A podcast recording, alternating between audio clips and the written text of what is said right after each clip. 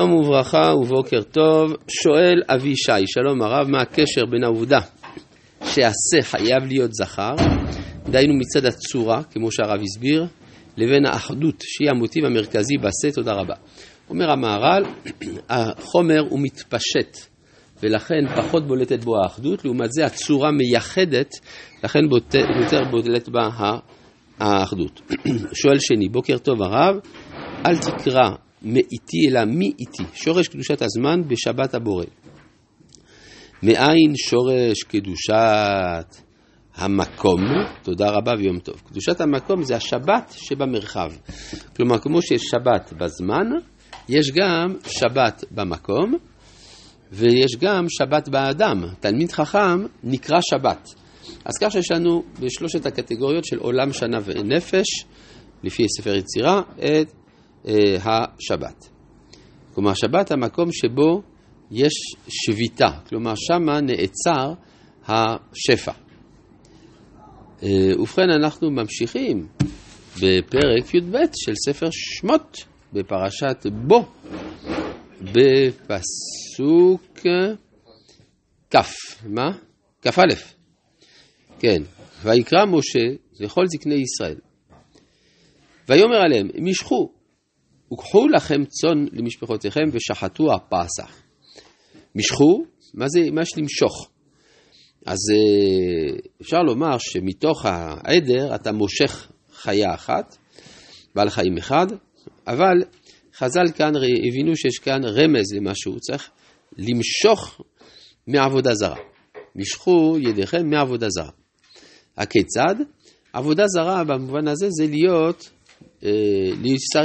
להשתתף בהיסטוריה של מצרים.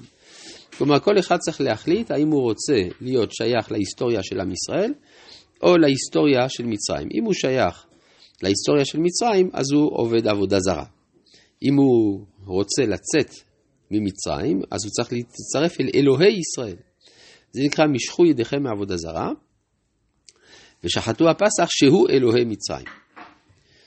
ולקחתם אגודת אזוב, ודבלתם בדם אשר בסף. מאיפה לקח משה שצריך לקחת אגודת אזוב? הקדוש ברוך הוא אמר לו שיקריבו את הפסח. הוא אמר לו על מצות ומורים יאכלו, אבל איפה הוא אמר לו אגודת אזוב? רש"י כותב שהמילה מרורים מציינת כל עשב מר. זאת אומרת, אמנם אנחנו להלכה כשאנחנו אוכלים מרור, יש לנו רק חמישה סוגים של עשבים שאנחנו משתמשים בהם למרור, אבל בתורה, כמו בהקשר ההיסטורי, זה כל עשב מר, והאזוב הוא עשב מר. לכן כשהקדוש ברוך הוא אומר למשה על מצות ומרורים יאכלוהו, זה לאו דווקא אומר שיאכלו את המרור, אלא זה אומר שבהקרבה ישתתף גם עשב מר, ולכן אומר משה, ולקחתם אגודת אזוב. ובשביל מה אגודת האזוב? וטבלתם בדם אשר בסף. מה זה סף? סף זה כלי, כן, כמו סף רעל, ס, כמו ספל. כן, מהמילה סף נולדה גם המילה ספל. זה יותר פשוט, כלומר שוחטים את, ה, את הכבש, את השה, ברור שלא אה, משפריצים את הדם על הארץ. במצב נורמלי, אדם ששוחט שא, אפילו בבית, אז קל וחומר אם זה בבית, עושה את זה בתוך כלי. וטבלתם בדם אשר בסף. והגעתם אל המשקוף ואל שתי המזוזות מן הדם אשר בסף. למה זה ככה? כמו שמזים על קרנות מזבח, או שזורקים על קיר מזבח במקרה הזה הבית הוא המזבח, כפי שהסברנו, ולכן צריך למרוח, כן? והגעתם אל המשקוף ואל שתי המזוזות מן אדם אשר בסף. ואתם לא תצאו איש מפתח ביתו עד בוקר. כלומר, יש פה מצוות לא תעשה שנהגה לשעה, לא לצאת מן הבית. איפה מצאנו עוד איסור לצאת מהבית? מצאנו לגבי שבת. כן? ההלכה הראשונה שנאמרה בהלכות שבת היא אל יצא איש ממקומו ביום השביעי. אמנם באופן שונה, אבל העיקרון הוא דומה, שהשבת זה מציאות שתוקעת, אפשר לומר, או קובעת את האדם במקומו. אז יוצא שהלילה הראשון שעברו בני ישראל בליל הסדר, היה מעין שבת, אל יצא איש מפתח ביתו. וזה מסביר, זה אחד ההסברים האפשריים, מדוע יום טוב ראשון של פסח נקרא אצל חז"ל שבת, כן? ומאחורת השבת, אמרו חז"ל, זה, אה, זה, ליל, זה ליל פסח, כלומר זה יום הראשון של פסח. השאלה האם בני ישראל עשו... מה? הצדוקים חולקים על זה. הצדוקים אומרים שזה שבת, זה שבת בראשית. אבל יש כאן איזה יסוד למחשבה שיום טוב ייקרא בשם שבת, וזה רעיון של הרב יהודה קופרמן, זיכרונו לברכה. אה, מה? לא, אבל זה מתבקש. משה אומר, אם יש סכנה וראיתי את הדם ופסחתי עליכם, אז זה אומר שכדאי לא לצאת. כן? זה הכוונה. משה כיוון, מה? להפוך את זה ללאו?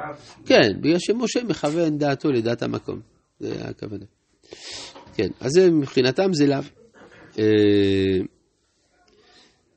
לכן הם העדיפו לעשות את זה מאשר להילחם במצרים, כן? הם עשו love, not war. אה. אה, ואתם לא תצאו. עכשיו, השאלה האם באמת בני ישראל בפועל לא יצאו מן הבית לפני הבוקר, זה תלוי יהיה בפרשנות של מה שקרה בהמשך אחרי מכת בכורות. האם הם יצאו בלילה, או שמא הם יצאו ביום. אבל, אבל בשלב הזה ברור לכולם שאסור לצאת עד בוקר. ועבר השם לנגוף את מצרים. וראה את הדם על המשקוף ועל שתי המזוזות, ופסח השם על הפתח, ולא ייתן המשחית לבוא אל בתיכם לנגוף. שוב, המשחית, ברור שברגע שהשם פוגע, אז גם המשחיתים מצטרפים. ושמרתם את הדבר הזה לחוק לך, מה? למה זה ברור? כפי שהסברנו בשיעורים הקודמים, כן, שברגע שיש פגיעה בנקודה ראשית, אז כל מיני דברים אחרים שעד עכשיו היו מנועים מלפרוץ, פורצים. למשל, אם יש לך הפסקת חשמל, אז אין פלא שאחר כך גם יהיה שוד. כן? אה, אז הפסקת החשמל, אה, מי שניתק את החשמל בסניף המרכזי לא התכוון שיהיה שוד, אבל זה מה שקורה. כן? אה, ושמרתם את הדבר הזה לחוק לך ולבניך עד עולם. והיה כי תבואו אל הארץ אשר ייתן השם לכם כאשר דיבר, אשר דיבר ושמרתם את העבודה הזאת. זאת אומרת שהפסח הבא צריך להיעשות בארץ ישראל.